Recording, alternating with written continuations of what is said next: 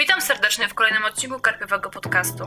W zeszłym tygodniu mieliście okazję wysłuchać ekspresowej recenzji Departamentu 19 Willa Hilla i obiecałam Wam wtedy podcast o Nosferatu Joe Hilla, więc nadszedł czas dotrzymać obietnicę. Zanim zaczęłam lekturę książki, koleżanka powiedziała mi, że jej zdaniem Nowy Hill jest bardzo podobny do Kinga. Kiedy zaczęłam ją dopytywać o szczegóły, zaczęła kręcić i kombinować, więc wszystko złożyłam na karp tak zwanego kompleksu Kinga, na który cierpi większość recenzentów horrorów. Jak coś nie jest diametralnie różne od Kinga, to jest do niego podobne. Bo jak coś jest straszne, to już King, bo jak jest jakiś potwór, to już King, bo jak jest jakakolwiek wnikliwość w charakter postaci, to już King. Wszystko da się podciągnąć pod podobieństwo do Kinga, bo King natrzaskał już tyle horrorów, które weszły do kanonu gatunku, że nawet mało charakterystyczne motywy już wszystkim kojarzą się z Kingiem. Ale powiem wam, że faktycznie nowy Hill jest kingowy. Od kingowców wiem, że są nawiązania w nazwiskach czy innych tego, tego typu szczegółach. Ja sama ich nie znalazłam, zresztą ja rzadko w ogóle zwracam uwagę na takie rzeczy. Dla mnie nazwiska postaci często w ogóle nie istnieją i zapominam o nich 5 minut po lekturze. Nawet szykując się do tego podcastu, musiałam sobie zapisać imiona głównych bohaterów. No ale wracając do tematu, Nowy Hill jest kingowy, bo tych mało charakterystycznych nawiązań jest aż tyle, że nawet mi było trudno oprzeć się wrażeniu, że czytam zremasterowaną wersję Kinga. Te zabawy słowne, rymowanki, myślenie w spak to naprawdę duża zawartość Kinga w Hillu. Tak naprawdę nie wiem, czy Joe postanowił oddać hołd ojcu tą książką, ale jeśli tak, to zrobił to naprawdę świetnie. Jak dla mnie to jest King bez największych wad Kinga, a do tego z taką dawką Hilla, żeby całość nabrała porządnych rumieńców. Joe moim zdaniem jest pisarzem dużo bardziej świadomym niż ojciec. Daje się ponieść historii, skupia się na rzemiośle i często brnie w opowieść, nie rozmyślając o jej strukturze, o zakończeniu, o dodatkowych, interesujących zależnościach, no i tym podobnych rzeczach, które ja osobiście z radością odnajduję u Hilla. I zakończenie, wielka bolączka u Kinga, u Hilla było wyraźnie zaplanowane i dobre, naprawdę dobre. Wiecie co?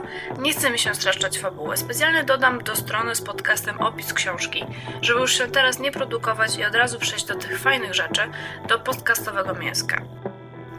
Jednym z pierwszych motywów, który mi się strasznie spodobał, to przeszłość Binga i, i ta fajna dwuznaczność w motywacjach Cherry'ego Manxa, który zawsze udaje zbawcę dzieci i niemalże dżentelmena. Bing to skurwiel i degenerat, który odwala za Maxa całą czarną robotę i dzięki niemu Max może udawać tego dobrego wujka.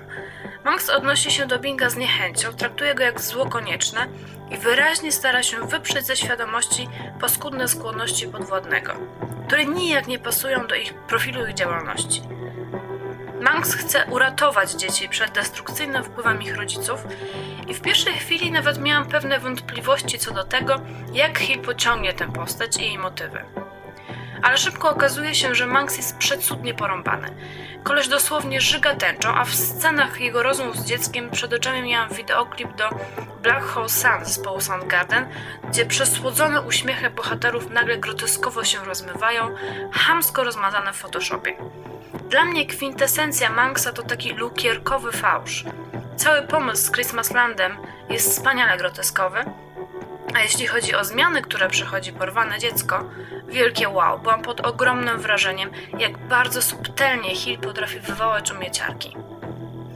W pierwszej chwili, gdy pojawia się Max i jego upiorni podopieczni, myślałam, że pomysł będzie dużo prostszy i nawet trochę mi się nie spodobał.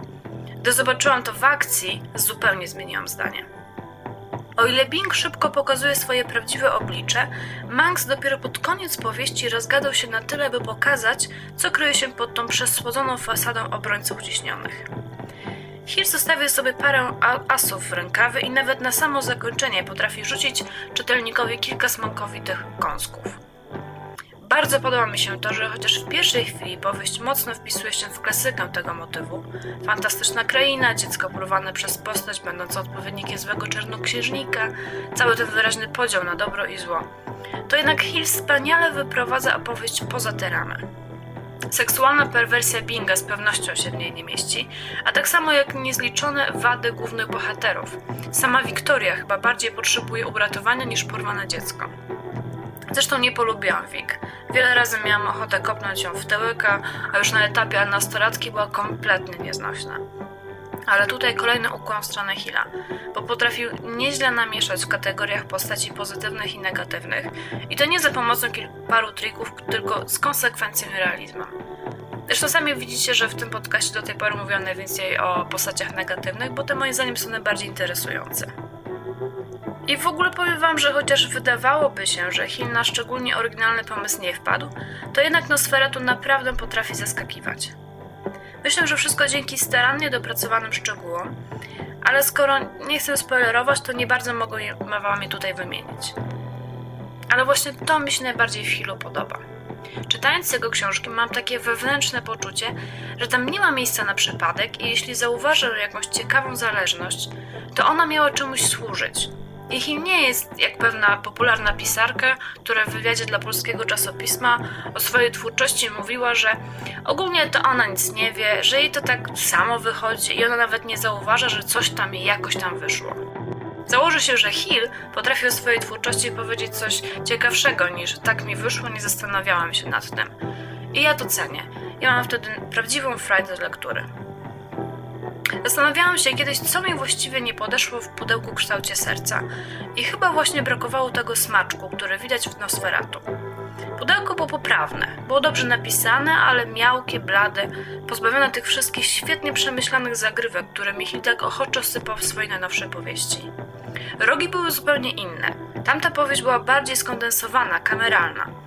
Nosferatu idzie w stronę bajkowości, to połączenie mrocznej baśni z thrillerem, dlatego chyba nawet nie ma sensu porównywać tych książek. I jeszcze jedno na koniec. Generalnie lubię sztukę tłumaczenia i nie polecam w czambu czytania w oryginale, ale w przypadku Nosferatu naprawdę warto. Rymowanki wygłaszane przez Binga to mistrzostwo samo w sobie i uwierzcie mi, że pewnych rzeczy tłumacz po prostu nie jest w stanie przeskoczyć, choćby nie wiem jak był zdolny. A zabawy w Scrabble, które pojawiają się w pewnym momencie, musiały zająć Hillowi bity tydzień, więc nie mam zielonego pojęcia, co z tym pocznie tłumacz.